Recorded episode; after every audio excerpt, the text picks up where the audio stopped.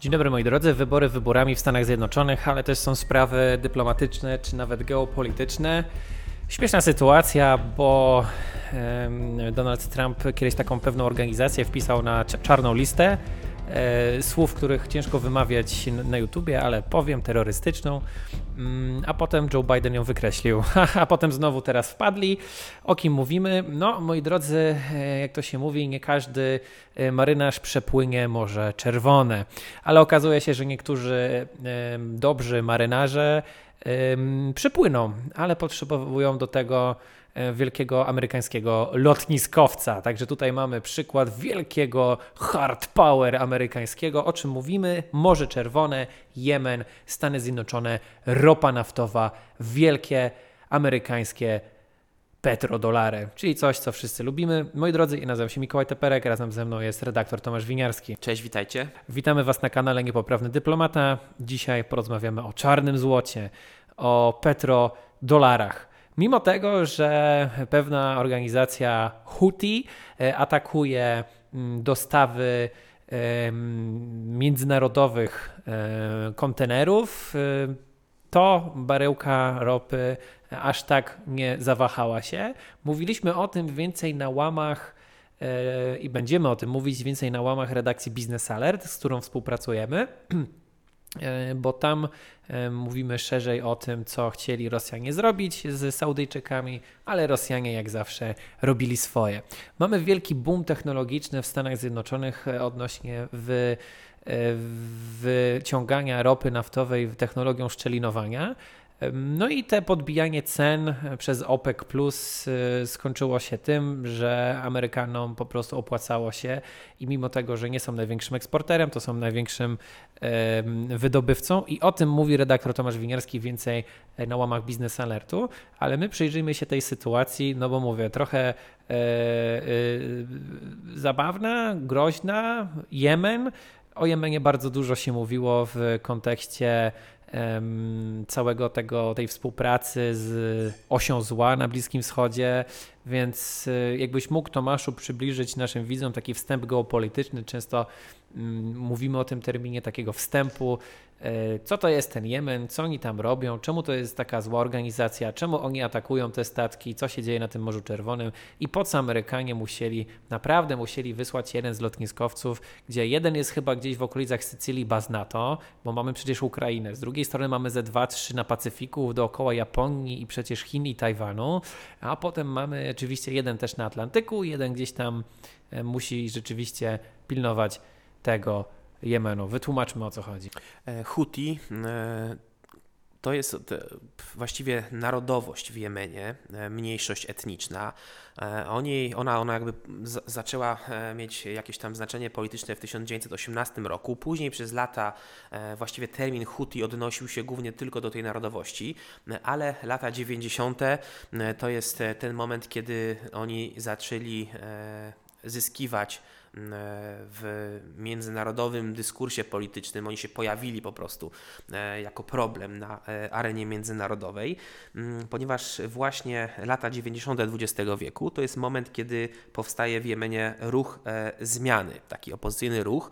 No i to jest o tyle ciekawe, że to jest ruch, który politycznie walczył z i walczy nadal z rządem jemeńskim. To jest e, Huti to są szyici, szyicki odłam e, islamu, bardzo radykalny. Oni na swoich sztandarach mają takie e, postulaty jak mm, zniszczenie Izraela, mm, tak, więc to jest, to jest coś, co... I kto ich wspiera? Wspiera ich, to jest tajemnica Poliszynela, przede wszystkim Iran i biorąc pod uwagę to, jakim oni dysponują arsenałem, no jako organizacja terrorystyczna, no o czym za chwilę e, szczegóły tego nazewnictwa za chwilę wyjaśnimy, ale oni atakując statki w Zatoce Adeńskiej, na Morzu Czerwonym, statki cargo ships handlowe, e, przewożące różnego typu towary i dobra, mm, no dysponują różnego typu sprzętem, także dronami, rakietami. Niektóre z nich e, są nawet w stanie przemierzyć takie odległości jak 2000 km, co jest oczywiście wypadkową tego, że mają ten sprzęt od Iranu, który właśnie nieoficjalnie ich wspiera, wyko wykorzystując ich do takiej roli typowego mięsa armatniego, bo oni bardzo fajnie z perspektywy interesów Iranu, e, cynicznych absolutnie i podłych, ale jednak destabilizują region, co jest na korzyść e, Iranowi. Huti w listopadzie zeszłego roku zaczęli atakować te statki, które przez Morze Czerwone przepływają na kanwie właśnie konfliktu izraelsko-palestyńskiego, a raczej lepiej powiedzieć, powiedzieć konfliktu pomiędzy Izraelem a Hamasem w strefie gazy. Mm, no i trzeba pamiętać, że Houthi mm, wspierani przez e, Iran mm, zaczęli walczyć właśnie już w, w, kilka lat temu, kilkanaście lat temu e, z rządem Jemenu, szczególnie silnie po arabskiej wiosnie ludów, kiedy dyktator e, w Jemenie został obalony, zastąpiony nową władzą e, i ta wojna domowa w Jemenie to był jeden z krwawszych konfliktów XXI wieku, który doprowadził do ogromnego kryzysu e, no, bezpieczeństwa publicznego, ale przede wszystkim kryzysu humanitarnego w Jemenie.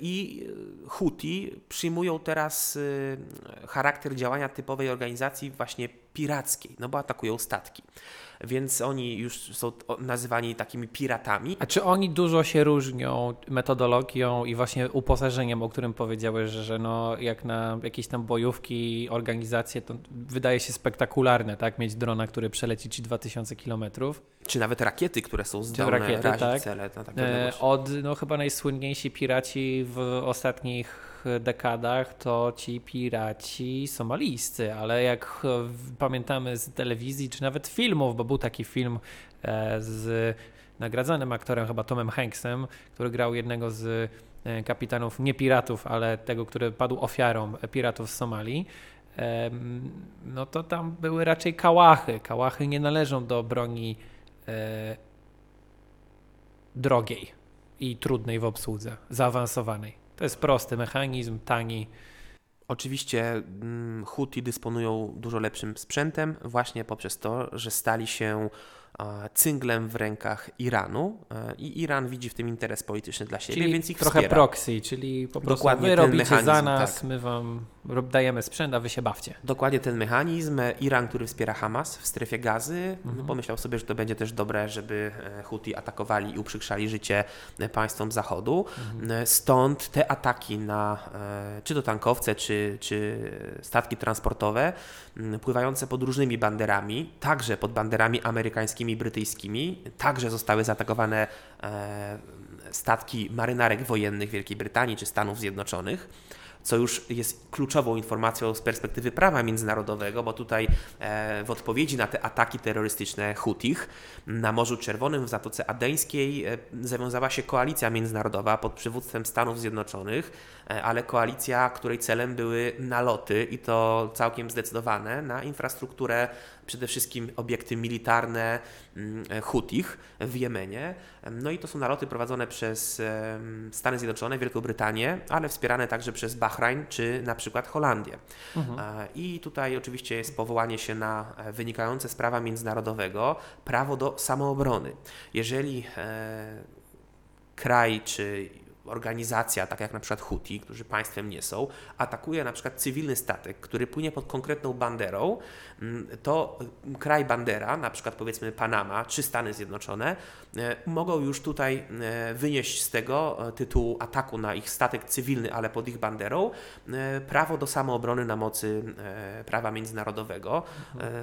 Gdyby nie te przepisy i nie powołanie się na te przepisy, no to taka generalna zasada w prawie międzynarodowym polega że na tym, że jest zakaz użycia siły. No chyba, że jest właśnie jakaś, jakiś powód i odpowiedni paragraf w prawie e, międzynarodowym. Więc tutaj tego typu Prawo morskie to już mi tak przychodzi. No, to jest dokładnie, taka, tak. taki typowy case w geopolityce, powoływanie się na prawo morskie. Dokładnie tak. I tutaj jest. To taki memo. Tak.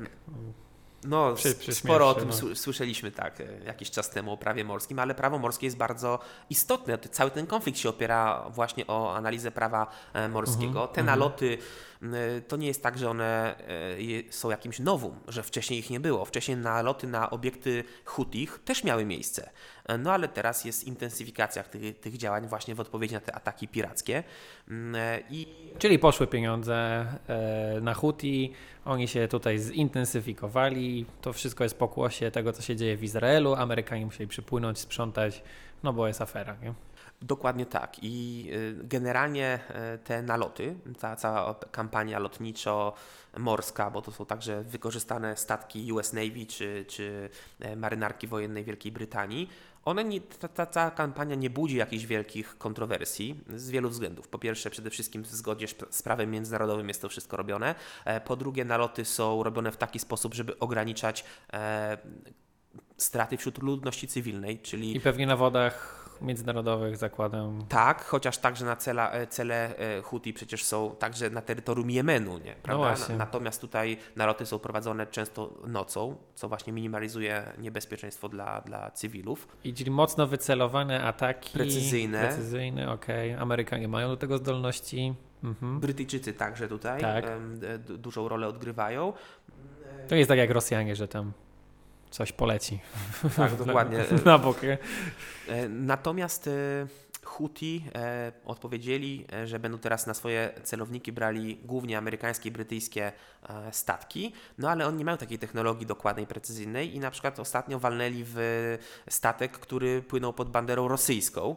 Mm, oni trochę walą na pałę, natomiast jest, ich działalność jest dużym zagrożeniem dla no, bezpieczeństwa żeglugi, a to się może przełożyć także na wzrost kosztów towarów, my, za które my płacimy. No to wszystko przecież stało. Ostatnio ten... zamawiałem jakąś część do aparatu z Chin i przesyłka zaginęła. Jestem ciekaw, czy był na tym kontenerowcu. Tak, możliwe, widzisz, nie? No to wszystko jest naprawdę ze sobą bardzo mocno powiązane. To jest ten efekt motyla.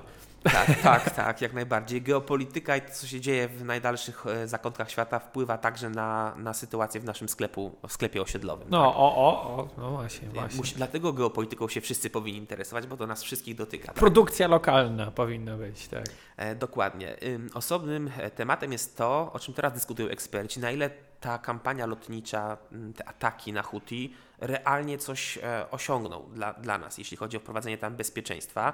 E, czy to nie jest tak, jak pojawiają się takie zarzuty, że no, to jest takie działanie, żeby pokazać swojej opinii publicznej w swoich krajach, zobaczcie, nasze rządy coś robią. Mm. No, Czyli prężenie mózgu. Tak, no ale jak, jakby mam tutaj takie podejście optymistyczne, że jednak y, oni są w stanie zastraszyć Hutich trochę w ten sposób, natomiast y, dopiero dalsza perspektywa pokaże, czy te działania są wystarczające. Że Amerykanie też sobie dobrze trenują na tym to też jest jakiś, jakaś tam wartość dodana. Żołnierze zdobywają doświadczenie w walki z terrorystami e, na morzu. Taki, wiesz, poligon trochę. No tak, kiedy jeden z, e, kiedy chyba trzy łodzie motorowe Houthi, wypełnione właśnie piratami Houthi, próbowały zaatakować brytyjski statek, poderwały się stacjonujące w okolicy e, helikoptery amerykańskie i Amerykanie po prostu te trzy łodzie bez problemu jak to się mówi w języku militarnym ładnym, zneutralizowali. I potem e, chyba zginęło 10 czy 13 mm, terrorystów z Houthi, i potem oni się mścili i robili kolejne ataki właśnie za tą skuteczną akcję amerykańskich sił zbrojnych. E, natomiast, e, no właśnie, to co ostatnio e, z Ameryki news przyszedł bardzo ważny, jeśli chodzi o sytuację z Houtimi, to było wpisanie ponowne Houthi na listę organizacji terrorystycznej. Tylko tu jest bardzo ważne, abyśmy byli precyzyjni, bo są dwie listy w Stanach Zjednoczonych i początkowo Donald Trump wpisał Houthi na listę mm, organizacji terrorystycznych, taką bardziej surową, jeśli chodzi o konsekwencje, e, które e, konsekwencje mm, przejawiały się między innymi tym, że Houthi byli jako organizacja terrorystyczna odcięci od e, finansów, ale także była odcięta możliwość pomocy humanitarnej. Więc to była naj, największa sankcja, to była najpoważniejsza lista. Potem Biden ich z tej listy wypisał, Natomiast to, co teraz ogłosił chociażby Jake Sullivan czy Departament Stanu, czyli ponowne wpisanie na tę listę, to jest już nieco inna lista. Ona się nazywa SDGT i to się dosłownie tłumaczy Specially Designed Global Terrorist Group. E, oczywiście implementacja tego wpisania, e, czyli kiedy to nabiera mocy, to jest, mocy, to jest 30 dni. E, natomiast tutaj nie ma wprost y, wykluczenia możliwości pomocy humanitarnej, więc sankcje z tytułu tej listy, na którą Biden teraz wpisał Hutich, są nieco lżejsze chociaż w praktyce, jak eksperci e, tłumaczą, jednak pomoc humanitarna także będzie utrudniona, mimo że nie jest wprost uniemożliwiona z tytułu wpisania na tą listę. Natomiast to, co chciałbym tutaj skomentować, to przede wszystkim to, że widzimy krótkowzroczność, może naiwność wręcz bym powiedział, polityki administracji Bidena w kwestii Huty i Iranu, no bo tak jak powiedzieliśmy wcześniej, Huty i Iran to są dwa ciała na arenie międzynarodowej bardzo ze sobą mocno powiązane. Nie dostrzegają problemu, nie mają wystarczająco intelligence, jak to się mówi, danych wywiadowczych, żeby to połączyć i brak konsekwencji dla Iranu, dobrze myślę? Dokładnie, przecież to administracja Joe Bidena, to demokraci bardzo mocno lansowali pomysł, żeby ściągać sankcje z Iranu. Republikanie Donald Trump byli przeciwko, tłumaczyli, że Iran jest e, dużym zagrożeniem. No że... to był tematem już w 2016 roku, kiedy Hillary Clinton e, jej się głównie e, dawało taki argument, że, że to ona miała wspierać deal Obama-Clinton z Iranem, tak? Ten Iran deal na, Dokładnie, na, na grube miliony. To, żeby uniemożliwić pozyskanie broni nuklearnej e, re, e, reżimowi w, w Czyli Amerykanie wtedy płacili e, Iranowi za to, żeby oni nie badali nie energetyki, tylko te technologii w kontekście atomowej, w kontekście militarnym. A oni tak to mhm. pokryjomu mieli robić w no laboratoriach. to była narracja republikanów, że oni te pieniądze będą brali, a będą gdzieś tam w ukryciu, e, przysłowiowo w podziemiach, rozwijali pro, programy nuklearne. E, no ale także zobaczmy, jaka jest e, rola Iranu w wojnie na Ukrainie. Także jest to no tak, mamy potwierdzenie wspierający bardzo mocno Putina, tak, prawda? mamy, mamy potwierdzenie, że, że drony tak irańskie są na polu bitwy na Ukrainie. Dokładnie tak, więc tutaj już widzimy. E, I Iran też chce chyba zagłady dla Jerozolimy, dla, dla, dla Izraela. Izraela. Oczywiście tak, dlatego tutaj jakby z perspektywy czasu znowu widać, że rację mieli w kwestii sankcji na Iran i Hutich Donald Trump i Republikanie. Donald Trump Hutich wpisał na listę organizacji terrorystycznych tą najbardziej surową.